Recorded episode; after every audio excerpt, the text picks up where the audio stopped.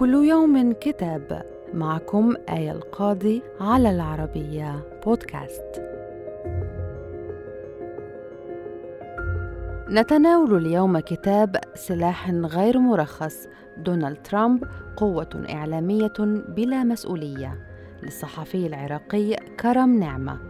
والذي يعرفنا كيف منح تويتر الرئيس الأمريكي منفذا فريدا للتعبير عن نفسه كأقوى رجل في العالم من دون قيود بروتوكول الرئاسة.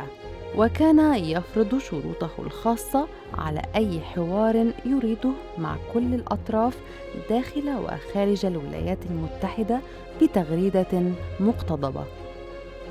يعود فيه كرم نعمة إلى رواية جورج أورويل عام 1984 ليصل إلى أنه تنبأ بالحقائق البديلة بينما قاد دونالد ترامب جوقتها.